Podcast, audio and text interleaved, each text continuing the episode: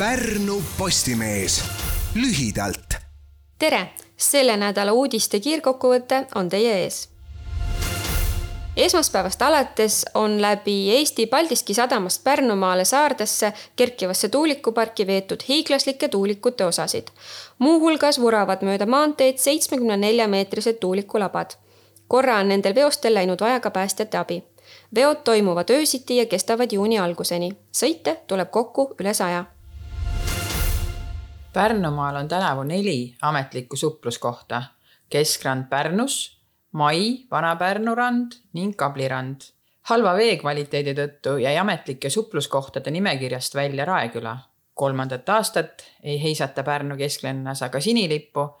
linnavalitsus lippu küll taotles, kuid kahjuks ei vastanud suplusvee kvaliteet selleks seatud nõuetele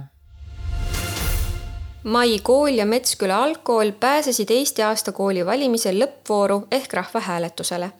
Metsküla algkooli puhul tuleb märkida, et Lääneranna vald otsustas selle rahanappuse tõttu uuest aastast sulgeda. otsus on kohtus vaidlustatud.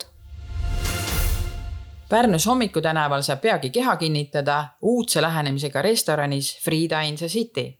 eriliseks teeb söögikoha see, et seal ei ole menüüd, laud kaetakse paarikümne eri roaga kindla summa eest sööjatel tasub eineks varuda paar tundi aega. Pärnus levib nüüd kolm uut digiraadiojaama. Elmari tantsuõhtu, Duo Greatest Hits ja Duo Gold. digiraadio kuulamiseks on vaja DA pluss signaali vastuvõtjat, mis on olemas paljudes uuemates autodes ja osas raadiotest.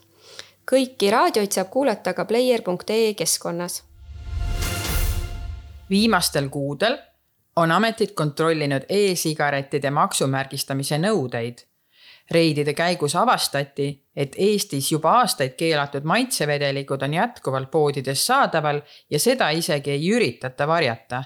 rikkumiste ettekäändeks toodi näiteks, et suitsupoes müüdav maitsevedelik on mõeldud hoopis küpsetiste maitsestamiseks.